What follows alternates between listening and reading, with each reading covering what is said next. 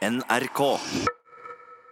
Er det forskjeller på helsen til samer og ikke-samer? Hva vet vi? Og ikke minst, hva er det vi ikke vet om samiske barns fysiske og psykiske helse? Med meg i dag er Siv Kvernmo. Du er professor i barne- og ungdomspsykiatri og er ansatt på Universitetet i Tromsø. Du har publisert en rekke vitenskapelige artikler, og da spesielt med fokus på, fokus på samiske barn, ungdom og unge voksne. Eh, og I tillegg så har du veileda en rekke doktorgradsstudenter. Jeg har lyst til å spørre deg først, eh, Siv, hvorfor er det viktig å ha forskningsbasert kunnskap om samiske barn sin helse? Ja, det er jo viktig av flere grunner. Altså, jeg vil jo si som barne- og ungdomspsykiater at hvis vi skal drive behandling av samiske barn, så må vi også vite hva som virker. Og vi må også vite eh, hva er det slags um, ja, lidelser eller problemer som er mest forekommende i den gruppa. Og så må vi også tenke forebygging. At hvis vi skal kunne forebygge på en god måte, så må vi også vite hva som er problemene. Mm. Hva er det vi vet, og hva er det vi ikke vet? Ja, eh, vi vet vel egentlig mest om samisk ungdom. Om samiske barn, og spesielt småbarn, så vet vi omtrent ingenting. For vi har ikke hatt noen studier som har omfattet dem. Vi har hatt én studie som går på fireåringer, som Cecilie Javo gjorde i sin tid, som omfatter psykisk helse og barneoppdragelse, men det er jo en god stund siden.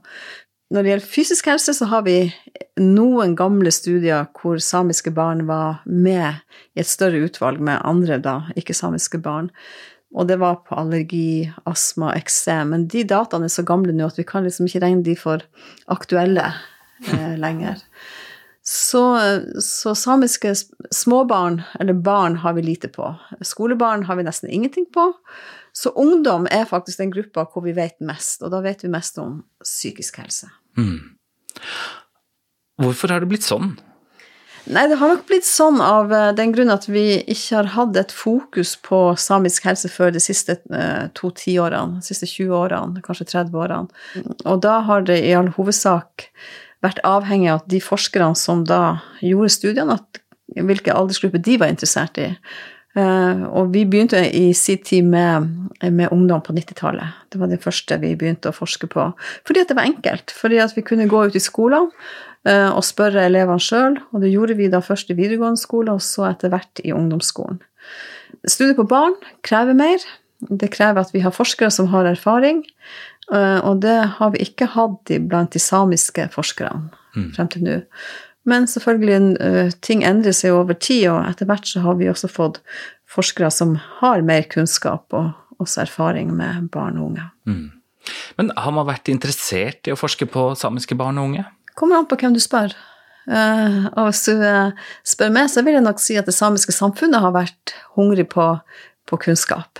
Men spør du en alminnelig forsker på universitetet, så har de ikke vært spesielt opptatt av verken barn og unge i den nordnorske befolkning eller i den samiske befolkninga. Vi har ingen nordnorske studier heller på eh, skolebarn eller mindre barn som omfatter både psykisk og fysisk helse. Så det er, er en mangelvare, rett og slett. Mm.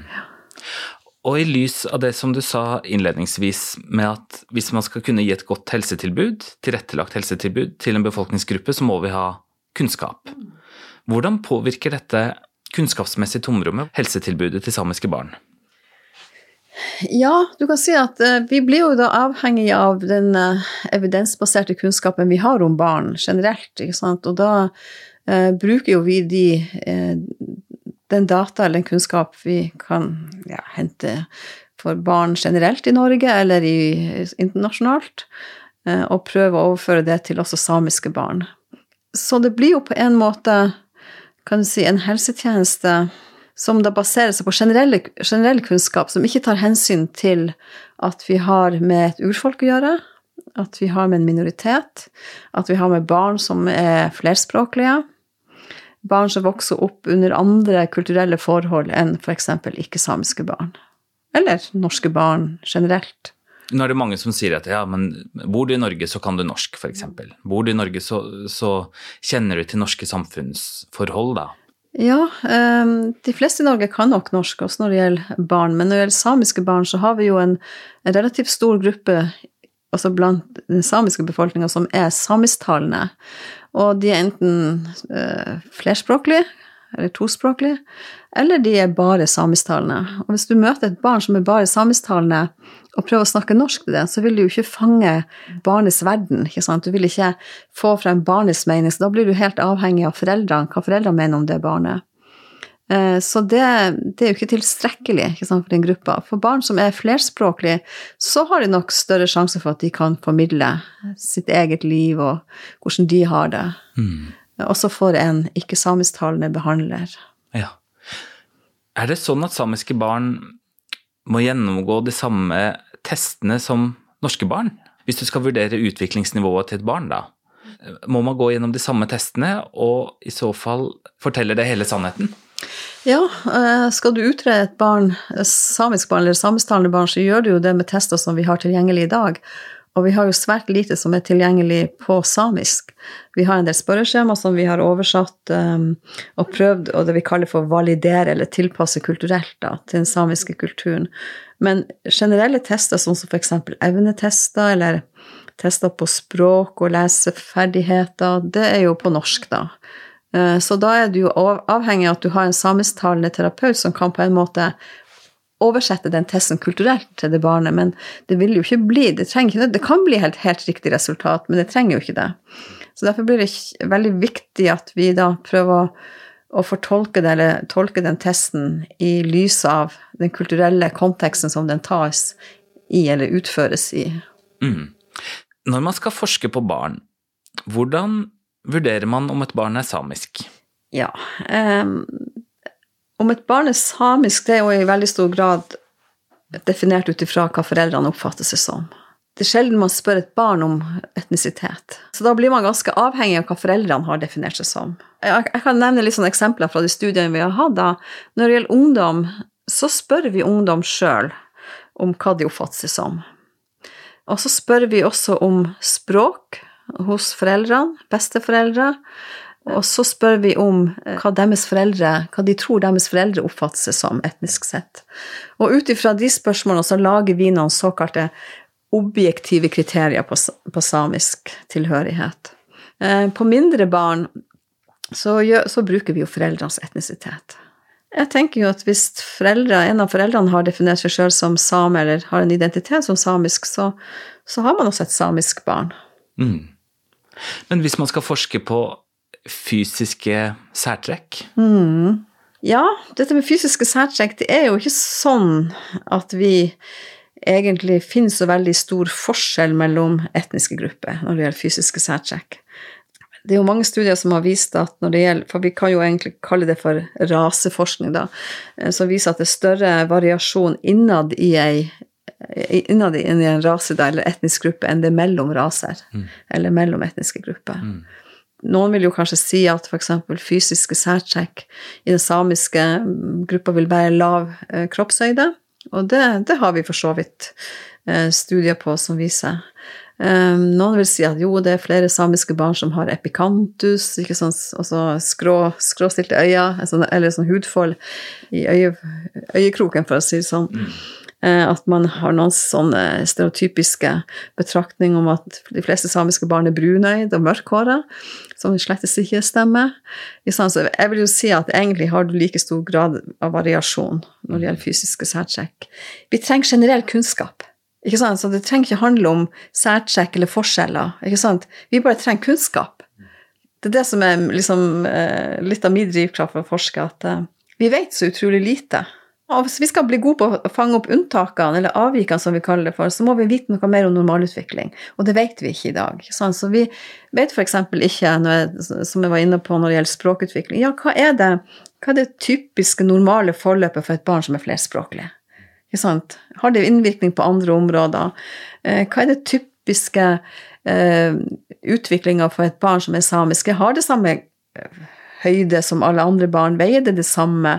Um, når det er et foster, har det samme uh, hodeomkrets som andre barn? ikke sant? Eller er det mindre enn andre barn? Som betyr veldig mye f.eks.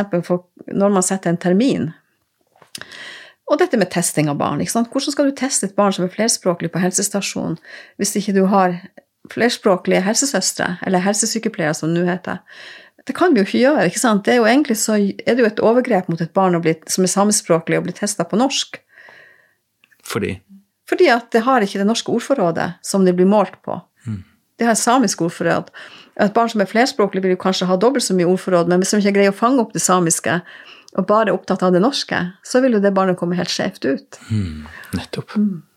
Er det noe med omgivelsen eller de sosiale rammene eller kulturen som samiske barn vokser opp i, som gjør at de utvikler seg annerledes på noe vis?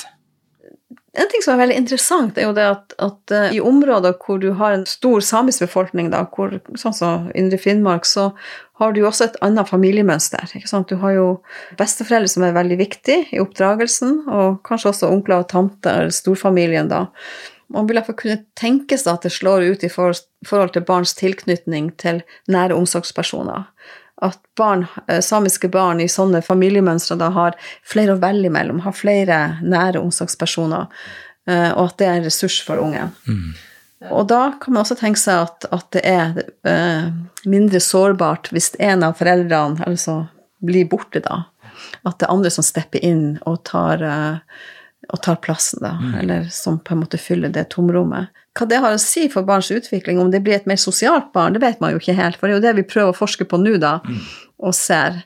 Eh, det andre er jo um, dette med flerspråklighet. For det er jo et veldig, veldig spennende tema.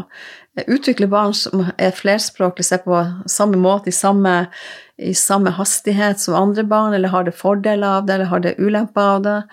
Det vet vi jo ikke helt, men det prøver vi også å forske på nå, da, for å se hvordan det faller ut. Så vi vet ikke det, nei? Nei, vi vet egentlig veldig lite. Vi vet en del om sånn, sånn om flerspråklighet generelt, da. At uh, barn som er flerspråklige, kanskje får en litt seinere språkutvikling, men samtidig også har lettere for å lære fremmedspråk. Enklere enn barn som ikke er flerspråklige, altså barn som er enspråklige. Mm. Vil det ha noe f.eks. utslag på skoleresultatene og sånt? Um, hvordan læringsprosessen er, det vet man jo ikke helt ikke sant, enda. Så um, det, det er mye der vi mangler. ikke sant? Jeg har et inntrykk av at det er mye lettere å synliggjøre en samisk identitet nå enn på 80- og 90-tallet. Har det endra seg, og har vi noe forskning på det? Ja, eh, jeg vil nok tro det, fordi at eh, hele diskursen rundt det samiske og det her med samisk identitet var nok mye mer sånn politisk, eh, fordi at det samiske hadde ikke samme posisjon i samfunnet da som nå. Og det å på en måte eh, være same og stå frem som same kunne være veldig stigmatiserende og belastende for ungdom. Nå har det jo heldigvis endra seg. Det samiske har blitt mye mer akseptert. Det har vært en en veldig sånn revitalisering av samisk kultur som har gjort det lettere for ungdom i dag. Og mange ønsker jo å ha en samisk identitet, selv om de ikke har det, ikke sant? fordi at det oppleves som veldig positivt. da. De siste tiårene så har nok den revitaliseringa av samisk, samisk kultur den har jo vært veldig sterk i kystsamiske områder. Så ungdom der opplever seg nok i mye større grad positivt som samisk enn de gjorde enn foreldregenerasjonen gjorde da. Og vi ser jo også sånn i de studiene vi har, at uh, ungdom der de er mye mer på Altså de utforsker mer sin identitet enn ungdom i Indre Finnmark, f.eks. I Indre Finnmark så vokser man liksom opp i et ganske homogent eh, samisk samfunn hvor flertallet er samer. Man trenger ikke å betvile sin egen identitet. Man, man blir liksom ikke utfordra på den. Men det gjør ungdom i, fortsatt også i, i kystsamiske strøk. Slik at de må mye mer utforske ja, hvem er jeg, og hvorfor er jeg det jeg er. Og det er egentlig, hvis vi ser på hele identitetsprosessen, det å danne seg en identitet også som også etnisk sett, så er det veldig, veldig bra at man utforsker. At man ikke bare godtar det man blir presentert. Altså, hvis du blir presentert som at ja, du bor, kommer fra Karasjok eller Kautokeino, og du er jo same, og du aldri utforsker det sjøl, hva betyr det her for meg? Så kaller vi det for en mer umoden identitet. Oh, ja. Fordi at man da i stor grad kan på en måte overta eller nesten arve i gåseøynene en identitet fra sine foreldre eller omgivelser. Mm. Men hva det egentlig betyr for det enkelte individ, for den enkelte person, det trenger man ikke nødvendigvis utforske. Den revitaliseringa, gjenspeiles den i noen forskningsresultater? Altså jeg tenker på i forhold til eh, psykisk helse, psykiske mm. plager, mm. depresjon, selvmord. Ja, vi ser jo i liten grad egentlig at dette med identitet henger sammen med psykisk helse. Og det vi ser, det er det at i forhold til bruk av rusmidler, så er det en beskyttende effekt, nemlig det å ha en sterk etnisk identitet. Så ungdom som har en sterk samisk identitet, de, de bruker alkohol mindre enn annen ungdom. Når det gjelder psykisk helse, så har vi det motsatte funnet, nemlig at å ha en sterk etnisk identitet faktisk fører til at du har dårligere psykisk helse. Og, dette er jo data vi har fra fra 90-tallet og eh, begynnelsen av 2000-tallet. Og det her er jo resultat som ikke vi hadde forventa. Vi tenkte jo det at eh, det å ha en trygg samisk identitet eller etnisk identitet ville faktisk føre til at du hadde bedre psykisk helse. Eller vi har en sånn hypotese om at kanskje de samiske ungdommene på, de her, på denne tida, da når vi gjorde undersøkelsen, de som hadde en sterk identitet, de var også kanskje de mest politiske. De som sto frem og på en måte uttrykte sin etnisitet og at det kunne da igjen føre til mer diskriminering. For diskriminering, det vet vi, er en risikofaktor for psykisk mm. helse, også i denne gruppa. Og det har vi også kunnet påvist eh, med studier. Det kan være det, men om det er det samme i dag, det vet vi ikke helt. For det har vi ikke så nye studier på. Og så vet vi også det at hvis du på 2000-tallet var, eller på 90-tallet var samisk ungdom og vokste opp i, um, Indre Finnmark, så hadde du like god og kanskje litt bedre psykisk helse enn de som var ikke-samiske. Hm. Hvis du var samisk ungdom og vokste opp i f.eks. i Nordland og bodde i områder hvor, var, hvor, det var veldig få samer, så hadde du den dårligste psykiske helsen. Nettopp. Så konklusjonen av det er egentlig at å være i en minoritetsposisjon er det som på en måte fremmer den dårligste psykiske helsen. Ja. Så ikke det er nødvendigvis om du er same, for der ser vi veldig liten forskjell mellom samiske og ikke-samiske ungdommer. Eh, men det er akkurat det, hvor er det du bor? Hva er, den, hva er de etniske omgivelsene eh, eh, som du har? Ja. ja. det tror jeg på. For det å være norsk i Karasjok eller Kautokeino, det er jo ikke bare bare, eller var i hvert fall ikke det på 80- og 90-tallet, tenker jeg da. Nei, og, og, de samme studiene viser jo at norsk ungdom som vokste opp i, i Indre Finnmark, de hadde dårligere psykisk helse enn samisk ungdom. Mm. Så det igjen bekrefter jo bare at dette å være i minoritetsposisjon er vanskelig. Hva er de mest spennende forskjellene mellom den samiske og den norske befolkninga som du kjenner til? Det var et stort spørsmål. Ehm, jeg kan jo bare snakke ut fra egen forskning da, når det gjelder ungdom og og det blir jo ikke barn heller, for vi er jo ikke ferdig med de studiene. Det mest overraskende og kanskje mest spennende funnet i første omgang var iallfall det at det var ingen forskjell mellom samisk og ikke-samisk ungdom i psykisk helse. Vi starter jo studiene med en sånn, eh, ut ifra en hypotese om at det å være en minoritet ville på en måte kunne tilsi at du hadde en dårligere psykisk helse. Men så var det jo sånn at dette med kontekst er så utrolig viktig. Hvor du vokser opp. Om det er en trygg kontekst, og hvordan du blir møtt fra samfunnet rundt deg. Så det har jo kanskje vært det mest spennende funnet, tenker jeg. Det å ta med den etniske konteksten og så se på den. Og da snakker vi veldig ofte om lokalmiljøet, ikke sant. Og se på innvirkninga av lokalmiljøet i forhold til barns helse og barns identitet. Og der kan du gjøre en del ting med holdningsskapende arbeid. Den, den kunnskapen som vi har i dag, mm. stemmer den godt overens med det man vet fra andre land hvor det, hvor det finnes urfolk? Samla sett så kommer nok den samiske befolkninga mye bedre ut når det gjelder helse. I Australia, Canada, New Zealand, men spesielt kanskje Australia og Canada, så er det store gap i helsetilstanden mellom urfolk og, og majoritetsbefolkninga. Og det har jo ikke vi. Ikke sant? Vi finner ikke de forskjellene. Norden er jo et, sånn sett et paradis når det gjelder levestandard, sammenlignet med mange andre land, og også når det gjelder urfolk. Og uh, hvis vi sammenligner f.eks. Um, utdanningsnivå i, blant aborginere, maori eller First Nations i Canada med den samiske befolkninga, så har jo vi prosentvis mange flere med høyere utdanning ja. enn disse landene har. Og det vil gi jo i neste omgang også en effekt på helse. Mm. Hvis du kunne plukke sjøl, da, forskningsprosjekter som skulle bli gjennomført, hvor burde man legge inn en innsats, syns du? Ja, um, jeg har jo tenkt at um, det vi burde ha, det er jo egentlig studier sånn som mor-barn-studien, som er designa for samiske forhold. Som egentlig starter i svangerskapet, Gjerne før svangerskapet, også, for å si det sånn. Men som starter iallfall i svangerskapet og følger eh, mødrene og fedrene gjennom svangerskapet og i et livsløp. Så da tenker jeg at dette må jo bli studier som er, går over flere tiår. Og gjerne i et sånn flergenerasjonsperspektiv, hvor man både har med data om besteforeldre, foreldre og barna, da.